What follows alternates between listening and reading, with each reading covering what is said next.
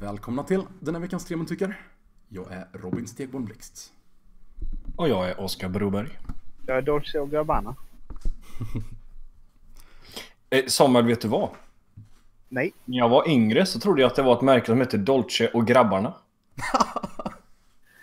Alltså. En bra bit in på gymnasiet. Ja. Jag läste liksom aldrig vad det stod riktigt. Vissa sådana där saker är bara att det sätter sig. Ja, Man, man, man tänker aldrig en extra tanke.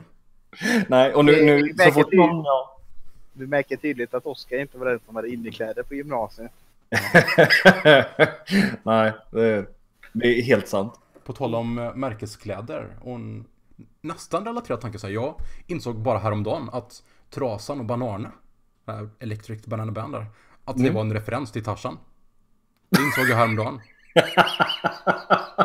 Det är också sådana här som man bara, man har inte tänkt tanken utan det är bara så här. Nej. Jag har aldrig, Så tänkt heter på, de och så där. Ja. jag har aldrig tänkt på Electric Banana Band överhuvudtaget. nej. Tråkigt, Samuel. Ja, ja. Eh, nej men eh, det är ju så här, för att jag tänker att du var ganska liten när du såg dem första gången liksom och då hade du inte den, den referensen. Mm, nej men precis. Ja. ja, det är intressant det där. Alright. Vi kör igång med filmnyheter. Och eh, vi tar vår första duell mellan eh, James Cameron och Patty Jenkins. Bu! Varit på tal om. Vill Samuel börja med sina? Eller ska jag gå igenom bara vad det handlar om? Va? Vad handlar det om? Eh, James Cameron gick ut och sa i stort sett att Wonder Woman är ett steg tillbaka. Det här är en film som bara visar upp henne som en objektifierad ikon. Den här modellkvinnan med snygga kläder. Och så, så här. Jag vet inte hur mycket han själv pekade till sina filmer, men så här, i alla fall. Eh, just typ Sarah Connor i Terminator som bara en, en krigare liksom. Och eh, sen har Patty Jenkins svarat tillbaka att nej, nu är du ute och cyklar. Där är så här steg framåt. Sa Men hon det- bara det? Gav hon någon anledning? Ja. Eh, alltså hon sk- skrev ju att så här. ehm, att kvinnor behöver kunna illustreras på alla sätt. Inte bara just den här butch, starka kvinnan som känns som det är lite det James Cameron säger att det här är man uppnått och kommit någon vart. Utan Patty Jenkins vill ju peka på att berättelser som skildrar kvinnors erfarenhet och liksom livsperspektiv måste kunna komma från alla möjliga styrkor och svagheter och så här vackra, fula kvinnor, liksom. Allt däremellan, hela spektrumet. Mm. Och eh, då säger hon lite så här att hennes stora poäng var väl också att för hela kvinnliga publiken som så här gett henne ett starkt affirmerande att detta kändes för hel- dem som ett steg framåt. Har hela pu- kvinnliga publiken sagt det till henne? Men det var ju snällt av dem. Nej men, and the massive female audience har hon skrivit. Okej. Vilket Sara? Tycker det är lagom generaliserande av Sara? Rimlig statistik utav henne liksom. Ja. Eh, Men- men det är lite kort vad som varit själva händelsen. Det som jag tycker är så här, som Cameron är ju att han, han säger liksom att om en Sarah Connor, hon var inte en sån här skönhet och sådär, men även att och han, och hon var en jättedålig mamma. Så här som att det skulle vara, vara så här, eh, något generellt för en kvinnlig hjälte att vara. Ja, precis. Han sätter upp lite en standard som jag säger, jag vet inte varför han tycker att det är en standard. Nej, och jag menar, alltså hon är ju en jättebra actionhjälte. Det, är- det är ju ingen som, som Precis. säger något om det, men att Wonder Woman måste ju också få finnas. Ja, Det är så, det är så konstigt, det är en konstig, varför pratar vi ens om det egentligen? ja, Jag, ty- jag tycker att det är en tråkig diskussion. Delvis för jag tycker att en feministisk läsning av Wonder Woman gör det till en mycket tråkigare film.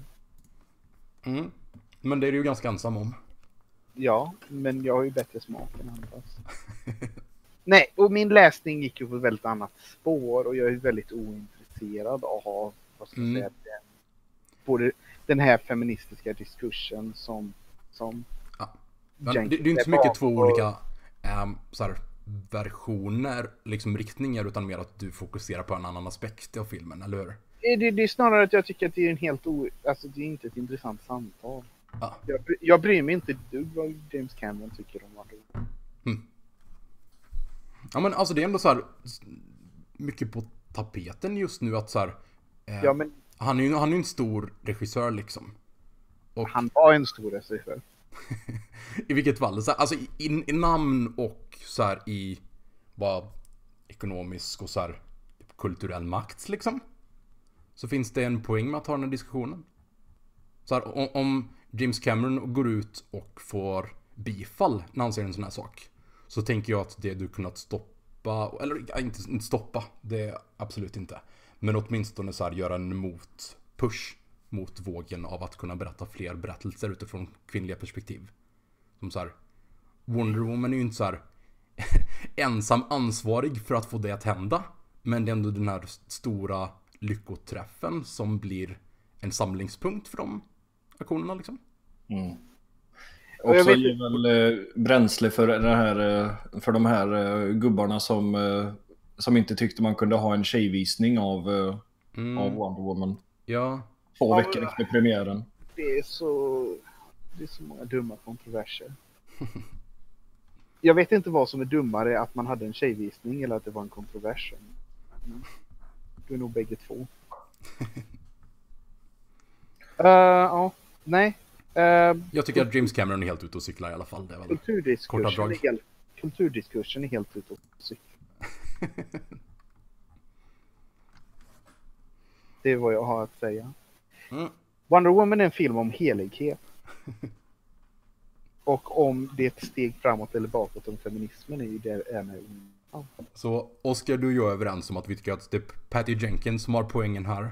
Samuel säger att han bryr sig inte. Nej, precis. Mm. Eh, visst. Så, så, så lägger Ja. det till. Det här är ställningstagandet från Tremont tycker. Ja. Går vi vidare till andra nyheter. House divided against itself cannot stand. Ja, på tal om Ben Affleck som Batman. Ja, jag har ju följt Collider ganska nära på sistone. Vem? Så senaste året. Eh, Collider, den YouTube-kanalen som är som, väldigt stor film-YouTube-kanal.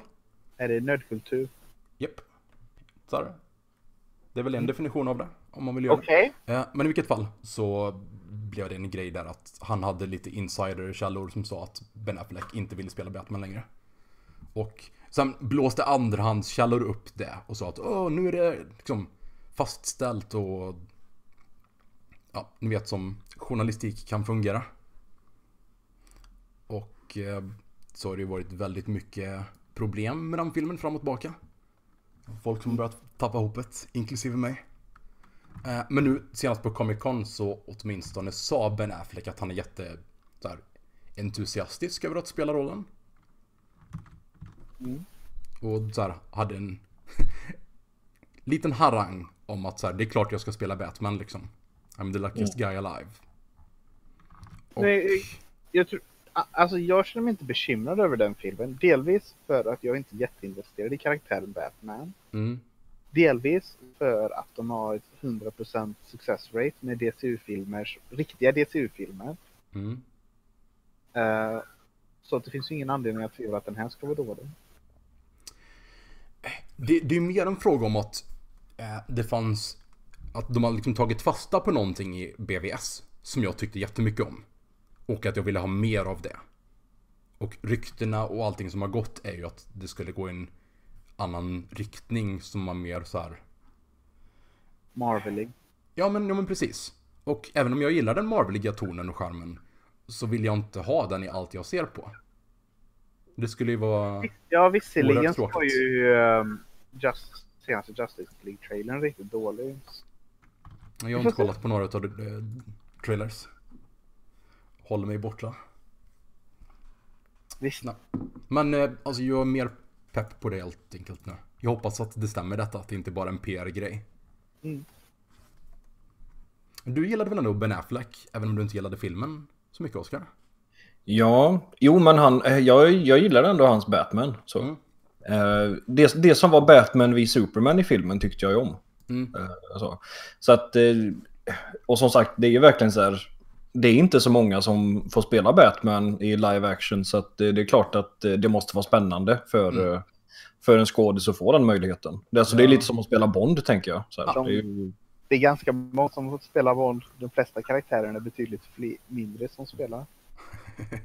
Det är sant Samuel. Men jag tror Ja, du men- förstår i, precis, i förhållande till dess ikoniskhet. ja. Där. Eh, Ikoniskhet är en börda skulle jag föreslå. Mm, men det är ju både och såklart. Och jag tänker att det har nog bidragit till att de här ryktena eldats på och han så här haft problem i sitt privatliv och eh, med recensionerna som BVS fick så är det nog inte alls konstigt att han så här varit skeptisk.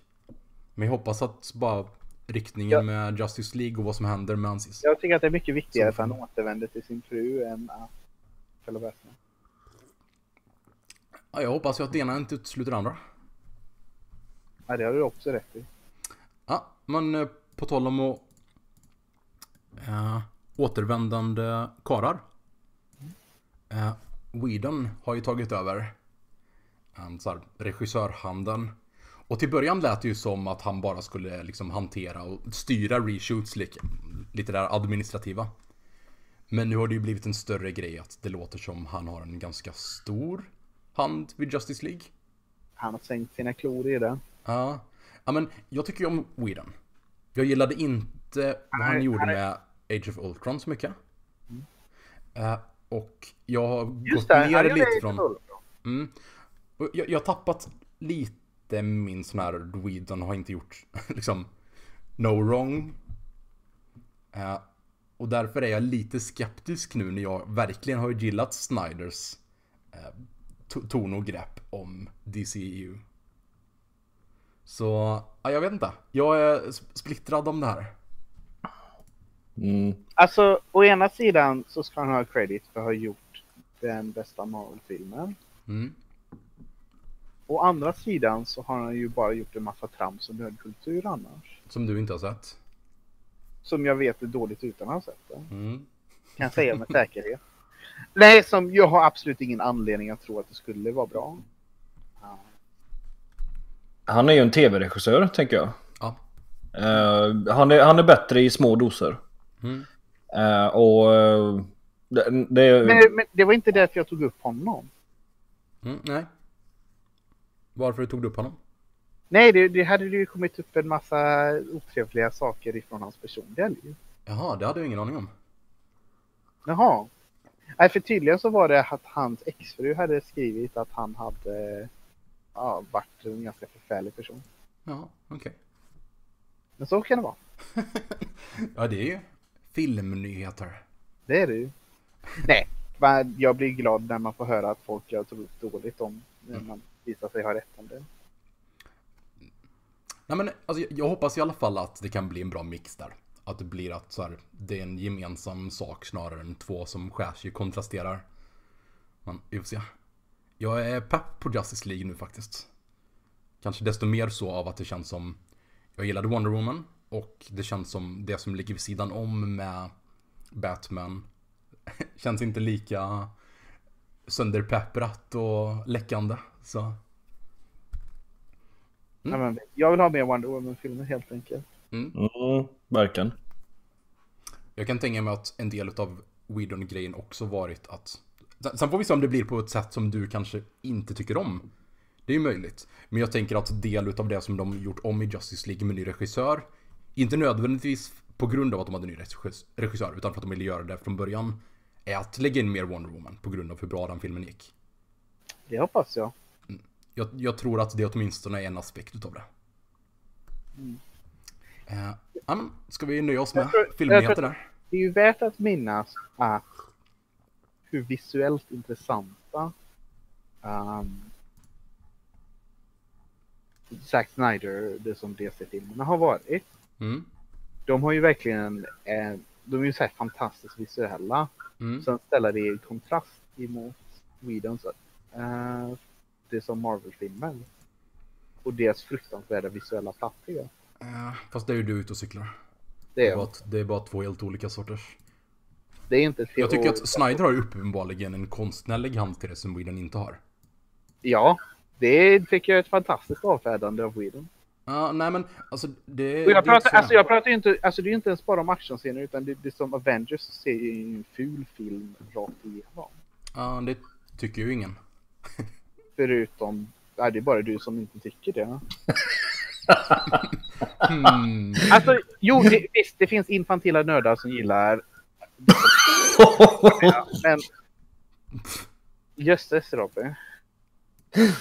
Nej, ja, vi har... Ja. Titta, vi har kommit tillbaka till den här diskussionen. Vem kunde tro det? Ja, ja, ja. Behöver vi sätta oss ner med Seven Samurai Avengers jäm, jämte varandra igen Samuel? Ja, visuell rikedom är någonting jag uppskattar. ja, det skulle behövas mer pojkar som slåss med pinnar i Avengers alltså. Sannerligen. Men eh, Samuel, apropå eh, Marvel, vad tyckte du om, eh, om Spider-Man Homecoming? Ja, det, det, ja, jag tycker den var ganska tråkig. Inte att Mm. säga. Du gjorde det? Mm. Ja, Det blir väldigt lätt så med filmer som man inte har sett än. ja exakt. Robin då? Uh, alltså, jag tänkte att vi skulle ta den filmen här istället för en vecko, ett veckoavsnitt för att jag känner... Det var en film som så här, levde upp till mina förväntningar. Den Mm. levde kanske inte upp till mina förhoppningar. För var så här, den var bra, men inte riktigt fantastisk på något sätt. Nej. Det är Nej, ganska verkligen. Det, var, det, var, det sammanfattar ganska bra också. Så. Mm. Det var eh, return to form lite grann för Spider-Man, men eh, Mm. eh, så, den var bra. Mm. Men det, alltså det blir väl lite en grad av playing it safe. Men Ja. den enda så kanske intressanta aspekten att diskutera är väl dess politiska korrekthet. Och så här, Ja, just det. Jag kände faktiskt inte det som en pandering-grej. Utan vad- på, på det- grund av hur den hade gått hela... Mm, ja. Vad är det för något? Alltså, de- den är väldigt gjord så att en väldigt stor majoritet utav alla rollerna i filmen spelas just av icke... Icke-vita.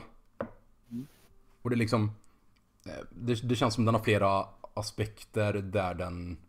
Där. På ett sätt som jag tycker känns naturligt för att den utspelar sig i den åldersgruppen och den kulturen. Så skär det sig inte med så här vissa kommentarer om att så här... Eh, vad säger de? Att man skulle kalla...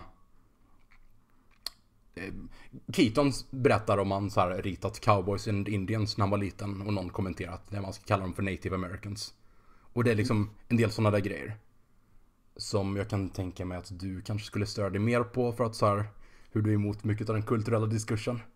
Men jag kände att som en, som en skildring utav sin, som den här åldersgruppen, generationen och sin tidsperiod så kändes det naturligt eh, snarare än pandering.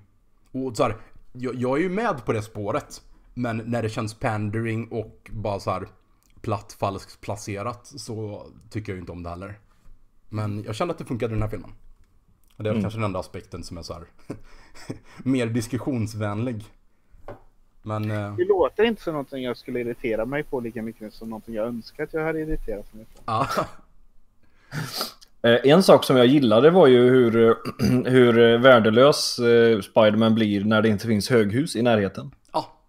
Där Verkligen. han får springa genom trädgårdar liksom så här. det finns inget att svänga, sig- svinga sig på. Har, Ja. han, har handlingen några vändningar bortom det som finns i trailern? Eh, jag, har inte, jag har inte sett trailern. För det som är i trailern är att liksom, han får Spindelmannen krafter och ha, så har han Iron Man som fadersfigur och, och Iron Man vill att han ska vara försiktig men att han är tonåring och ska bryta sig ut på egna ben ändå. Mm. Sen, Ja men det finns nog vissa mindre så här eh, Som inte bara är det Alltså det är ju kanske stereotypiska plot twists Men de behöver inte vara dåliga så länge de har en naturlig plats Och det finns ögonblick som är så här eh, Mognad Som är så här tillfredsställande hur det fungerar Eh, alltså skurken var, för Marvel var det en bra skurk. Mm. Eh, och en, det, var en, det, var, det var en bra twist tyckte jag. Eh, när, när Parker går hem till sin eh, date. Och Spoiler så, alert Spoiler alert. Så öppnar, eh, så öppnar skurken dörren och visar sig, haha det var han som var pappan.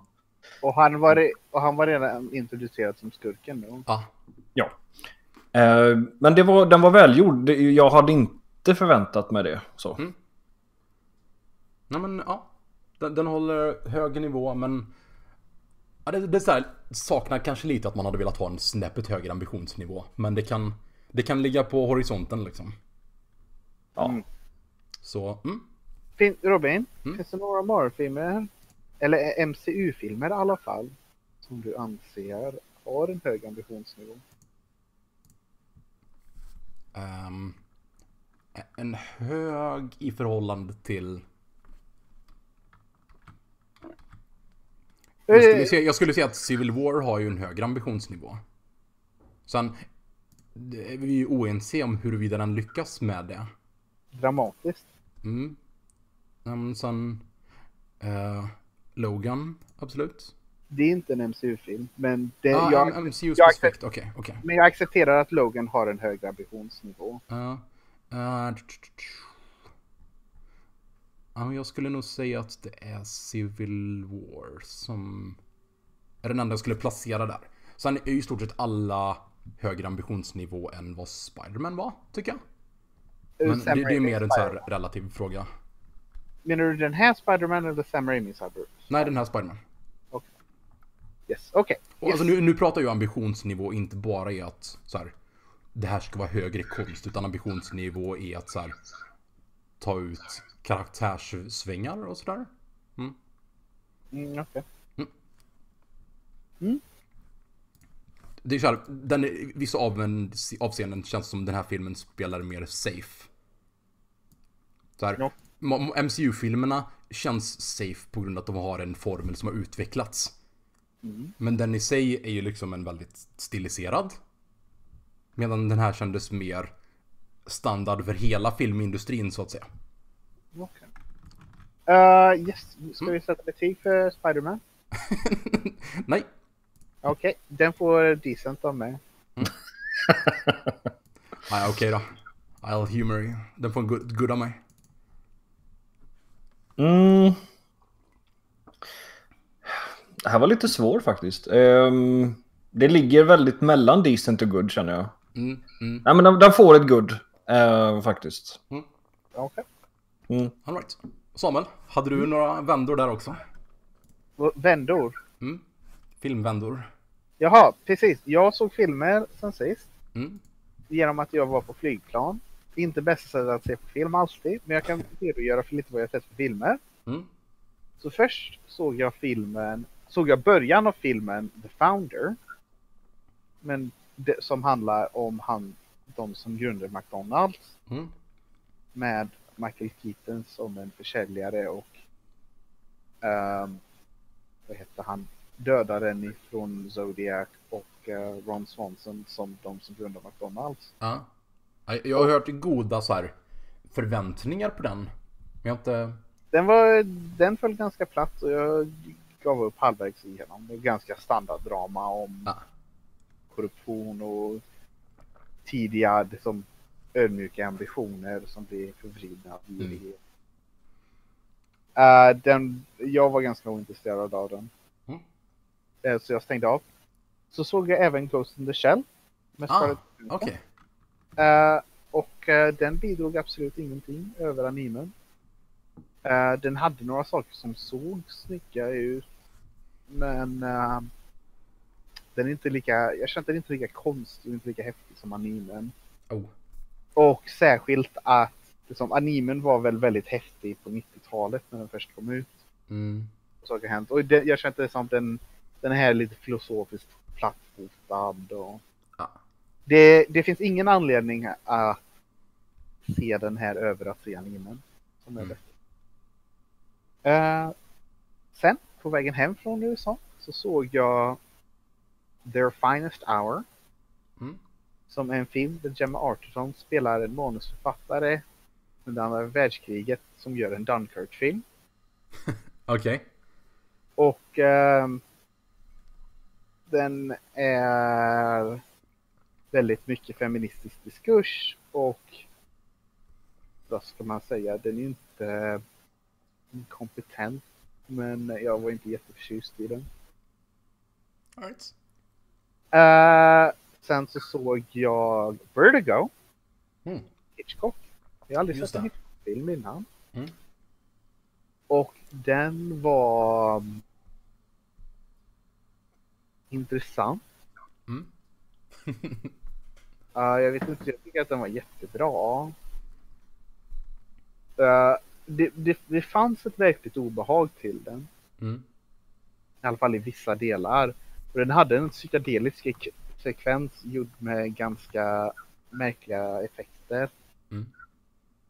Och eh, den slutar på ett ganska mörkt sätt. Och det finns ju en överhängande katolicism till den hela Just det. som jag uppskattar. En dom. Ja, det är en film som man borde se alltså. Mm, jag skulle nog ändå säga att det är det. Mm. Ehm, så det var ju i alla fall intressant. Jag har Mm. inte mycket att säga om den. All right. Det är...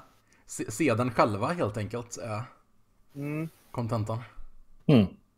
Och sen var det någon till film som jag glömt bort. Mm. Så den var inte särskilt intressant uppenbarligen.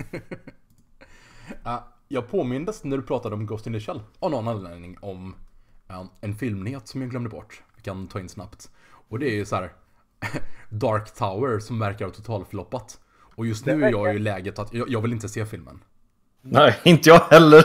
Jag vågar inte. Ja, nej men Det alltså det det kommer bara vara en göra. äh, Det kanske, bara affront jag, liksom. ja, det kanske är jag som får göra det åt er. Ja. Svälja Ja. det bittra pillet. Mm. För grejen jag är ju inte alls in- investerad i detta. Nej. Nej, alltså det behöver komma väldigt mycket mot en motrörelse som säger att filmen är värd att se. Uh, just nu så låter det bara som en sån här tillplattad eh, young adult version utav det hela. Där det blir från ett helt annat perspektiv. Och så här, med en helt annan emfas vad böckerna är. För böckerna är ju en världsbyggande så här fantasiapokalyps. Så här, med mycket västerntoner och så här väldigt mycket skräck också. Men Mm. här känns det som de har gjort det väldigt mycket till där The Chosen One-barnet som kommer in och det är liksom... Ja, nej. Ja, det, var ju aldrig, det var ju aldrig boken liksom så här. Eh, Och jag har inget emot att de gör ganska stora förändringar från böckerna med tanke på att det här inte egentligen är, är utan det här är ju en fortsättning på ett sätt. Mm, mm. Eh, Så att det, de kan ju ta sig ganska stora friheter, men jag bara tänker att eh, tonen, liksom, eh, Ja, temat det som- bör vara... Det som var kvaliteten liksom, eller det som man så här drogs in av. Ja. Ja, nej det är synd. Det är jättetråkigt. För, för jag var peppad också när de Ja. tog Elba. Liksom, vad ska de göra med det här? Det lät intressant. Mm, ja, men både Elba och Matthew McConaughey var ju så här. Perfekt. Bilderna man har sett var ju också strålande. Ja. Elba måste ju vara den bästa skådespelare som har haft minst bra roller. Ja, jag tror det. Han har, han är, eller han har eller varit med i minst bra filmer. Ja. Han har ju, han var det som fantastiskt i The Wire och allting annat han har gjort har varit dåligt eller mediokert. Har du sett Luther? Nej, jag har inte det. Eh, ganska bra. Eh, men endast tack vare Elba i princip. Men visst är det lite sådär att han... Han är på fel ställen men gör alltid väldigt bra ifrån sig. Ja, Han har sämsta agenten helt enkelt. Ja.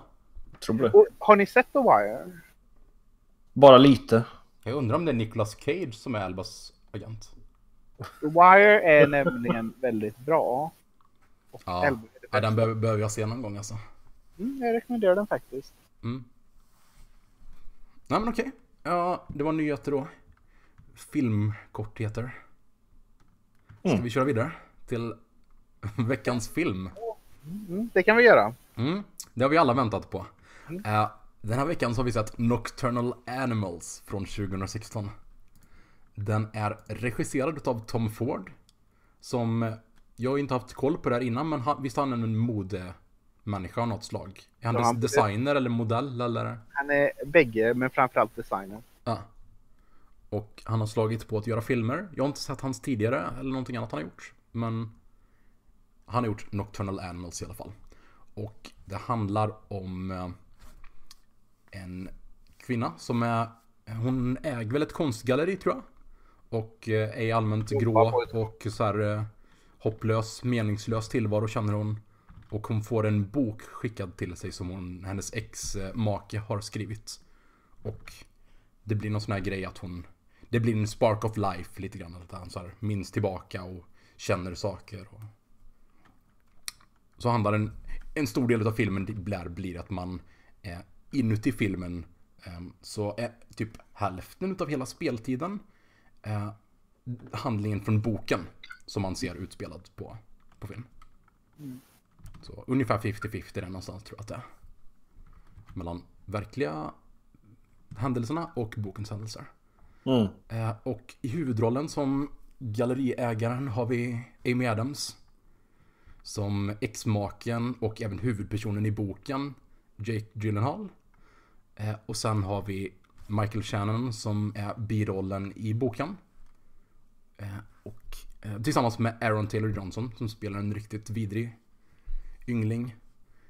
Och, och sen har vi också Army Hammer som spelar den nya maken till Amy Adams huvudperson. Mm. Han är en av bröderna från Facebook. Nej. Mm. Ja men typ. Eh, och det är nog alla de större rollerna där. Mm. Eh, precis. Så...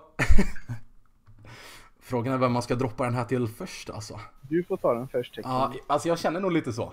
Och jag tror att vi kommer landa lite eh, ganska nära faktiskt. Jag måste säga att den här filmupplevelsen gav mig David Lynch och Mulholland Drive-vibbar. Okej. I fråga om just hur det kändes på samma sätt som eh, någonting som försöker vara konstnärligt i eh, så här, den här despair och bara så här tillvaron Ja, ja, på ett sätt som så här, kon- konstnärlighet som saknar substansen som gör det till konst. Ja, det, det, det, det är ju en konstnärlighet som tror att förtvivlan i sig är vad som är konst. Exakt. Och eh, på grund av det så föll det väldigt platt för mig. Och jag tror att den är också väldigt mörk, väldigt jobbig. Vilket lite grann gör en sån här fråga om att eh, eh, det känns som att man så här upplever de här bara gan- ganska fruktansvärda grejerna lite i onödan. För det kommer ingen poäng med det sen. Eh, sen tror jag att jag fortfarande gillar den mer än vad ni gör. Men vi testar lite och skickar den till Oscar. Ehm, alltså, i, eh, den, den här filmen den var jättejobbig för mig att titta på. Mm. Eh, så här, jag, jag mådde dåligt när jag Mm. såg den.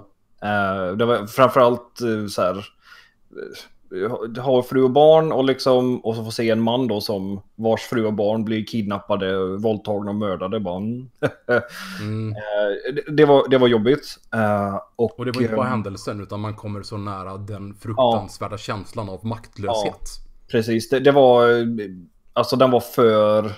Den var för nära på något sätt. Men samtidigt så här så...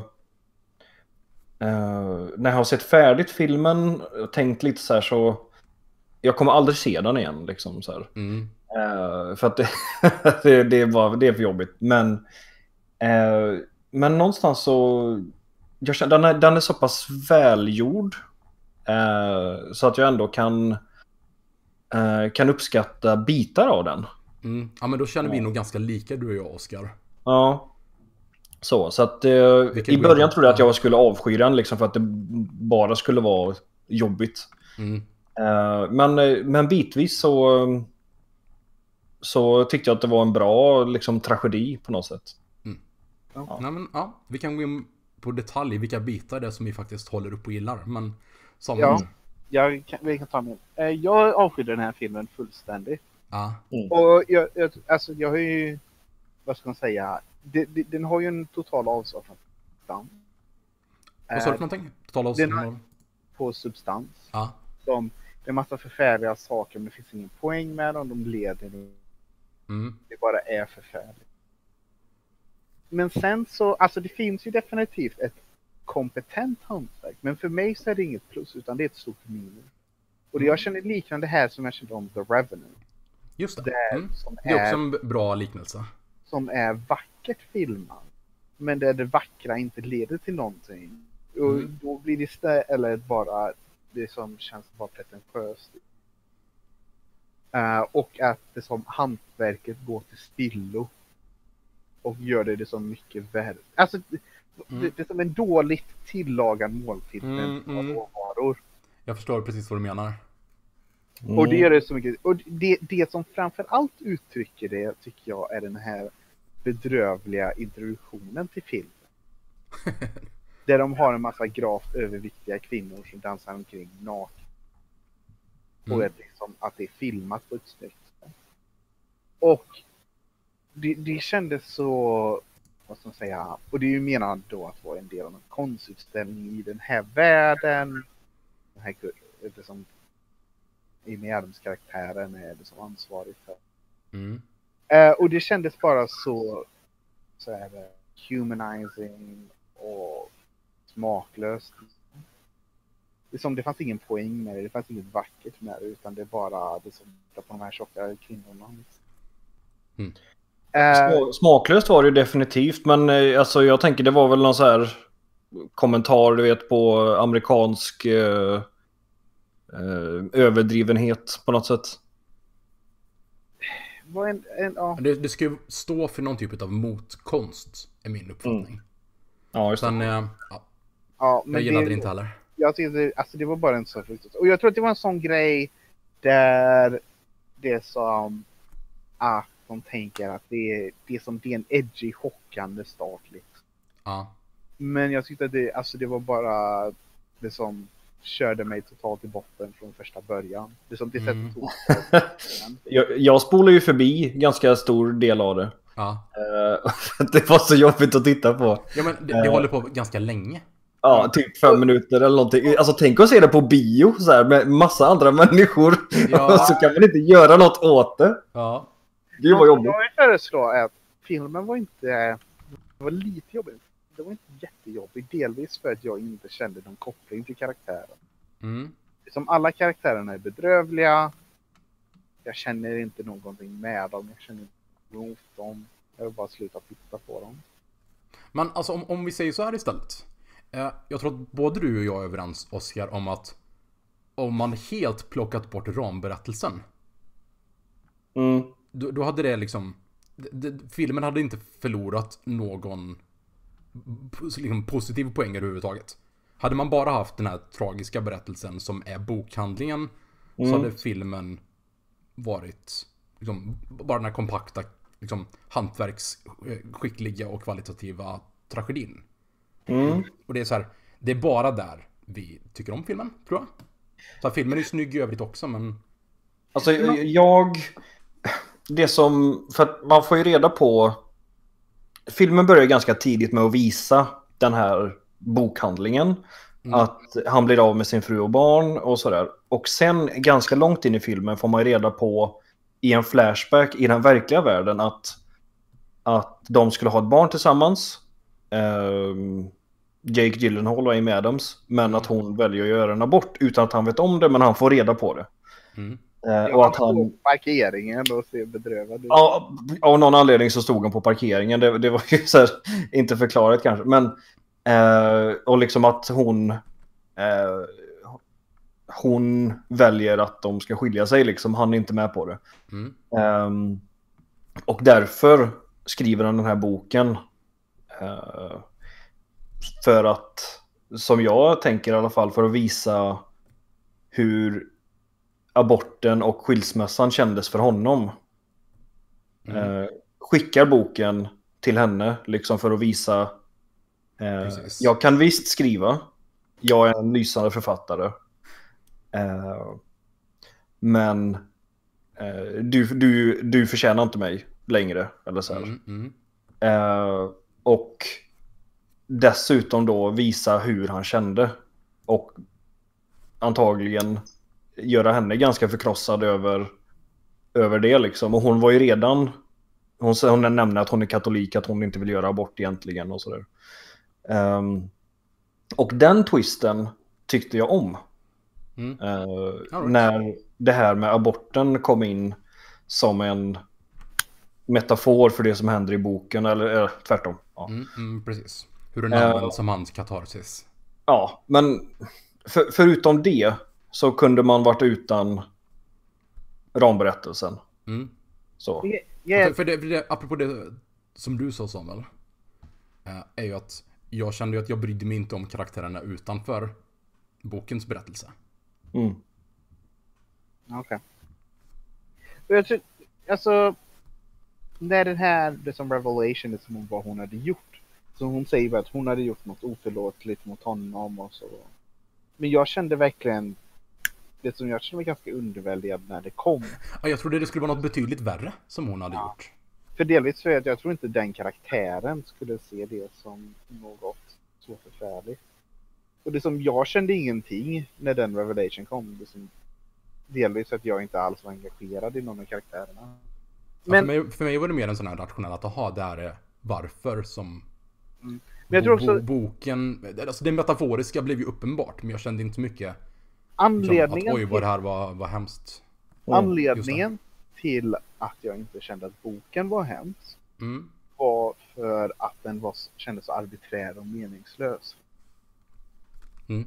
Det, det, det som det kändes så, det som att det de här personerna gjorde, det som det kändes så frånkopplat ifrån verkligheten. Mm. Du, hade, du hade kopplat bort filmen vid det laget helt enkelt. Ja, precis. Det, det, det, som, det fanns ingen trovärdighet till det. Utan det Mm. bara... Ja. Stadsmänniskor är rädda, rädda för människor på landet, visst. Eh, så, ja. Det, fanns, det, som, det fanns inget bra i filmen för mig att greppa fast i. Men det var väl därför som jag gillade det här, alltså när man fick reda på varför han skrev boken, att Ja. då blev inte den tragedin lika meningslös liksom. Mm. Eh, för mig i alla fall. Okej, mm, mm. Eh, så. Ja, det är jag med på. Mm. Sen när hon får så här paper cut ifrån boken. Mm. Det var, jag vill bara kasta ut min skärm genom fönstret. Det var dummaste. Alltså, åh! Åh! Ja, men, Ja. alltså, jag tycker att filmen är för det mesta väldigt snygg. Bara cinematografiskt. Och sen, jag tycker att skådespelandet är väldigt bra. Mm, Det är det som jag verkligen. lägger den allra största kvaliteten. Framförallt Vem? utav... eh, Alltså jag, jag tycker inte att Amy Adams gör sådär jättemycket egentligen. Nej, hon Utan- bara ser, hon ser ledsen deprimerad ut. Mm, och det Och tycker jag ju ibland aldrig är särskilt, särskilt eh, hög, hög nivå om det bara är det. Eh, jag, tycker- jag tycker att Gyllenhaal gör det jättebra. Och eh, både Aaron Taylor Johnson gör ju en horribelt... en bra horribel roll. Och eh, Shannon tycker jag också är grym där i mindre bokberättelsen. Mm. Och det var, hade det inte varit för skådespelandet där så hade jag nog avskytt filmen. Jo, visst det var kompetent, men det de jobbade med var så dåligt liksom. Alltså jag tycker att så här. re- Rent i skådespelarinsats så tycker jag att det är på Oscarsnivå liksom.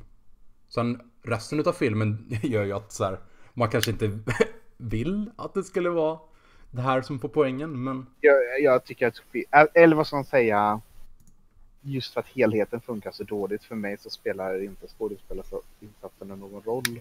Mm. Ja, Jag, jag tror du, du kan vara mer eh, snar än, eh, i alla fall mig och troligtvis Oscar också, att koppla bort helheten.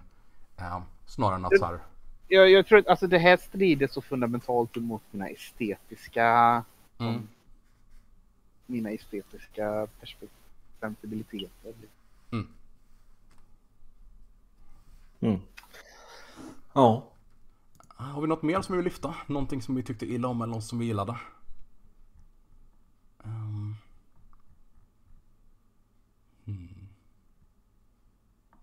Jag kände att det var så svårt att hitta den narrativa rösten av filmen.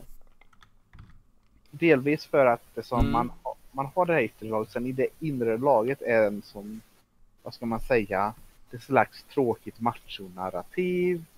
Fast gjort med det som, vad man säga, gjord med arthouse-sensibiliteter.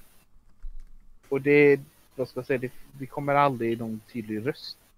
Mm, jag läste en kommentar, jag tror det var en IMDB-recension, som skrev att det känns som en film som väldigt intensivt försöker säga någonting och säger ingenting.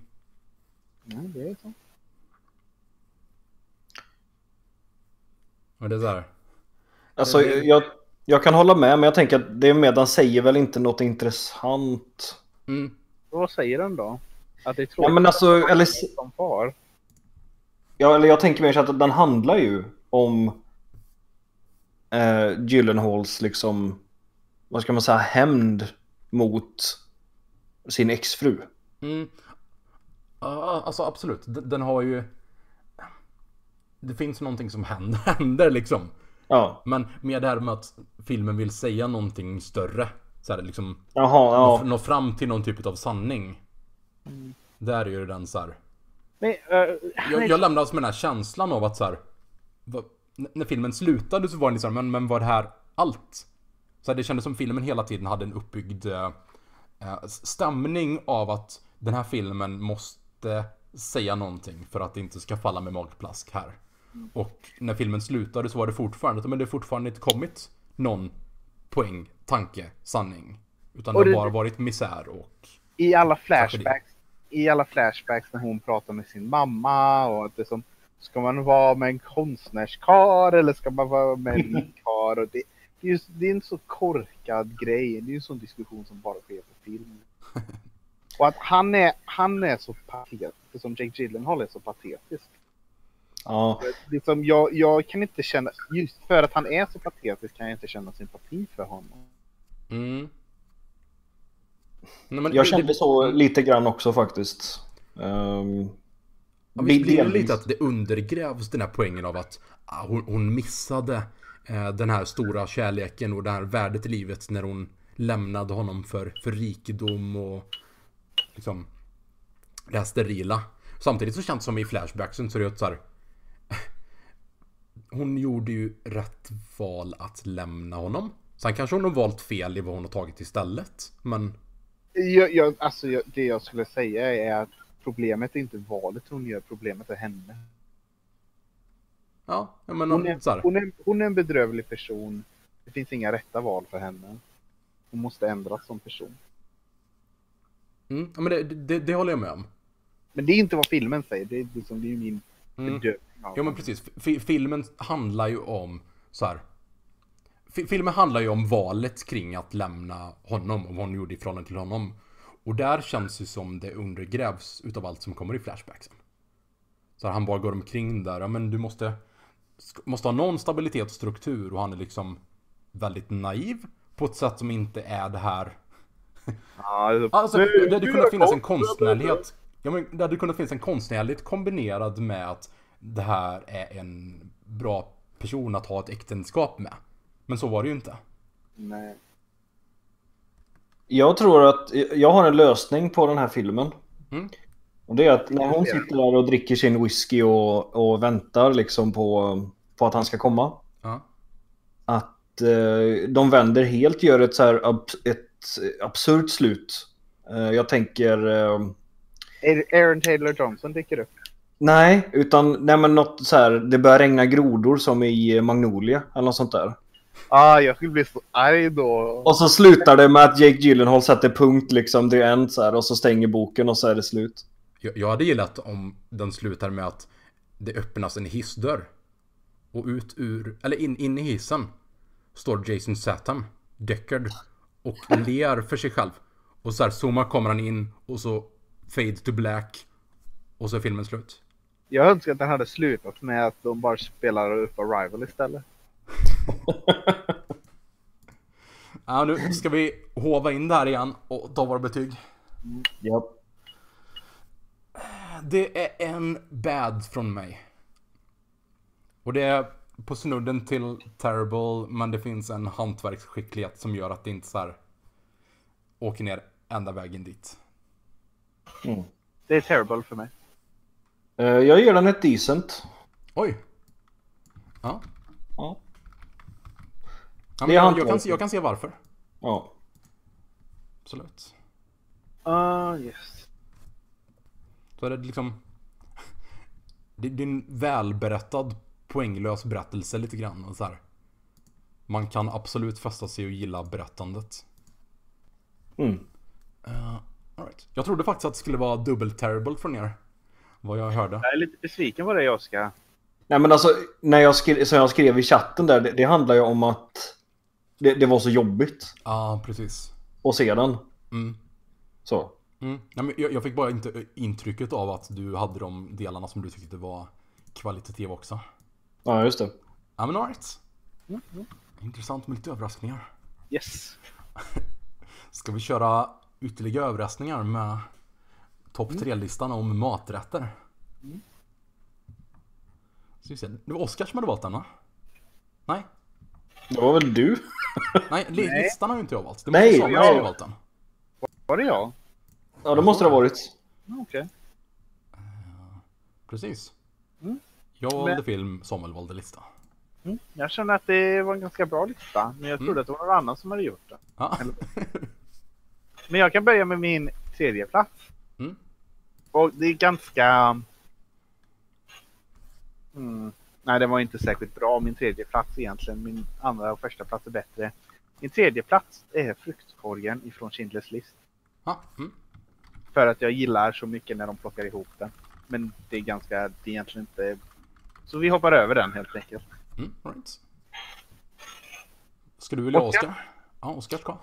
Jag kan ta. Eh, och eh, det var så här trean, eh, jag vet inte riktigt. Men det är från slutet på eh, Ratatouille. Där eh, den här... Eh, vad heter han? Eh, Ego heter han väl? Ja, precis. Eh, får smaka på Ratatouille och eh, inser att det var hans mammas recept. Eh, och eh, det är en stark scen, tycker jag. Mm. Eh, Som visar hur... Alltså hur viktig mat kan vara för, eh, för människor. Mm. Jag gillar den. Och jag gillar inte den filmen alls.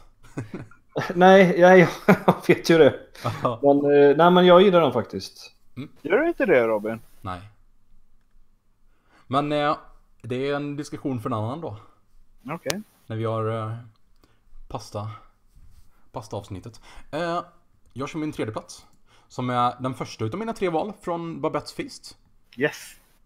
En romkaka. Som hon lagar till där fint. Sådär. Mm. Mm. Fantastisk dessert. Aldrig ätit den men den, den ser väldigt fin ut i alla fall. Ja, just det. Den de fyller upp med rom där i mitten, ja. Mm. Det ser ju spännande ut. Den vill jag gärna ha. Mm. Men jag tror att det är en sån här dessert som eh, dess grund skulle jag egentligen inte tycka om. För så här, just det här med rom, de, den riktningen på smaker egentligen inte min grej, men det ser väldigt gott ut i vilket fall. Present- Presentationen är väldigt bra på den. Ja, Oscar Nej, men så får- det är min tredje plats. Jag tror inte Oskar har sett Babettes Feast än. Nej, Nej. är det så? Jag och Samuel skulle ju gjort det i sommar egentligen, men eh, det blev... eh, Jag skulle ta med champagne. Oskar, jag ska in till Göteborg imorgon. Ja, Vill du se Babettes Feast? ja visst. Eh, vilken, vilken tid? Uh, jag ska se. Vi kan ta det senare. Mm, Ja, det kan vi göra. Ja, det, det borde funka. Oskar får en öppning för revidering ifall det behövs. Ja, men vad bra. Aldrig glad. Jag vill begränsa mig och bara ta med en... Uh, ville bara ta med eh, en ifrån Feast. Och det är min första plats. Men min andra plats är vad jag kallar föräldrarnas frossa i Spirited Away. Jaha. Mm. Och det är, är scenen när föräldrarna liksom, de kommer till det här magiska landet och de hittar maten där som ser så fantastisk ut. Mm. Och jag, jag hann inte leta upp scenen. Vilket jag hade velat göra så jag hade kunnat bättre identifiera maten. Mm. Men det, det som maten ser väldigt läskande ut där. Mm. Och hur de blir förvandlade då till grisar genom deras frossa. Ah. Och så har man det som dotterns obehag för hela. Så den gillade jag. Oskar? Mm. Min andra plats.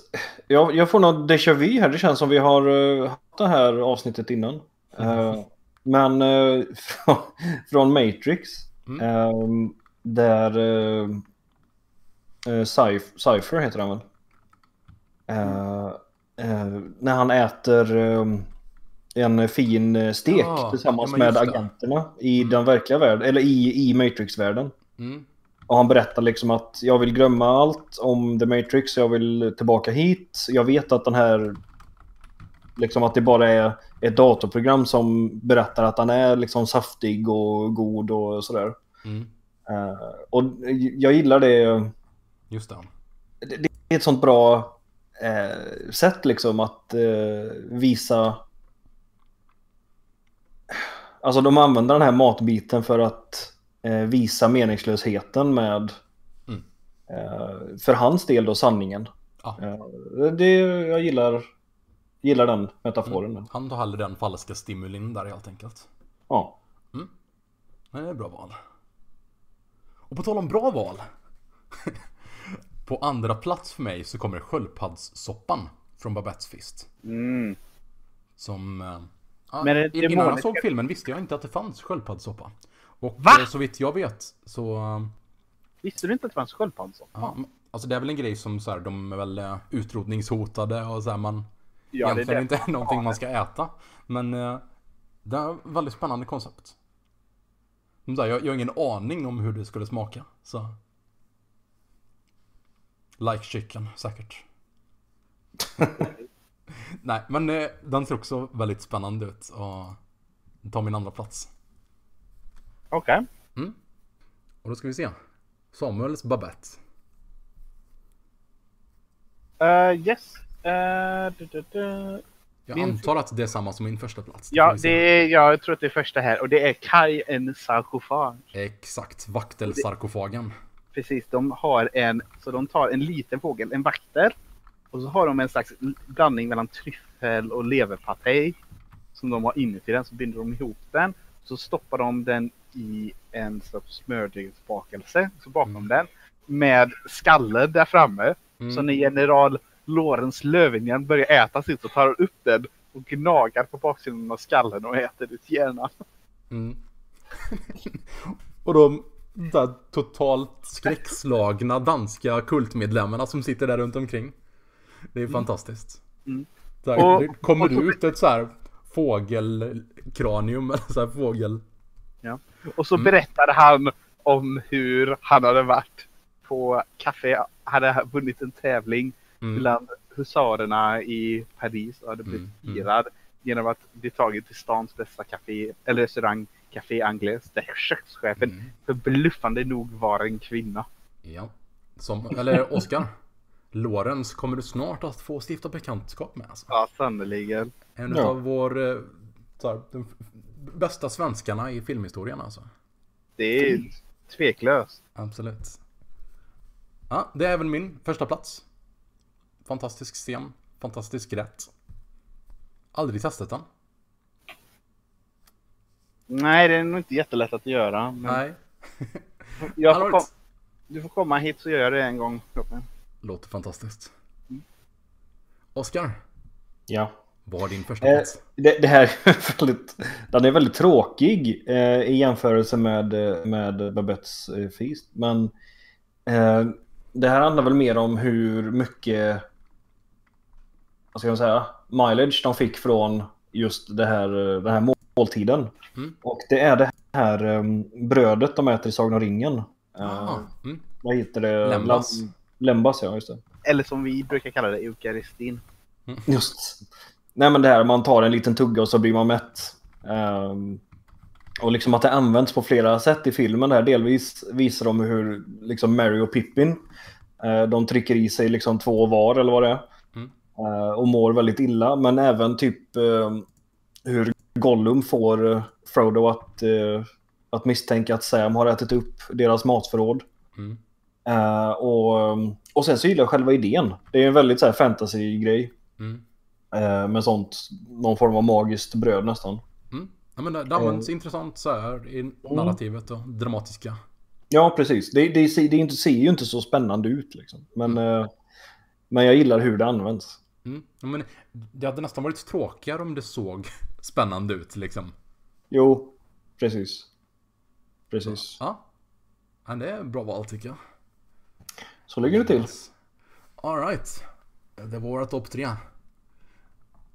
Eh, Mm. Och eh, nästa veckas topp tre. Vad kör vi då? Då har vi våra tre favoritprinsessor. Nice. Yes. Och det kan vara vilka, så länge de är med på film. Tecknat eller, eh, eller live action. Det, är- det är inte så noga. Yes. Okej. Och Samuel, nästa veckas film. Yes. Det här jag tänker ge... Jag är lite bitter mot Robin att han valde så dålig film. Mm. Jag kompenserar genom att välja en väldigt bra film. Vilket är Your Name. Okej. En film som inte var Dunkirk. Nej, jag straffar dig för att du inte har sett Dunkirk. Ah. Your name. Jag känner igen den här titeln. Hmm. Den heter egentligen Kimi no Nawa. Jag- känner igen den någonstans ifrån, men jag har ingen aning om hur. Är det en anime? Ja. Mm, den är.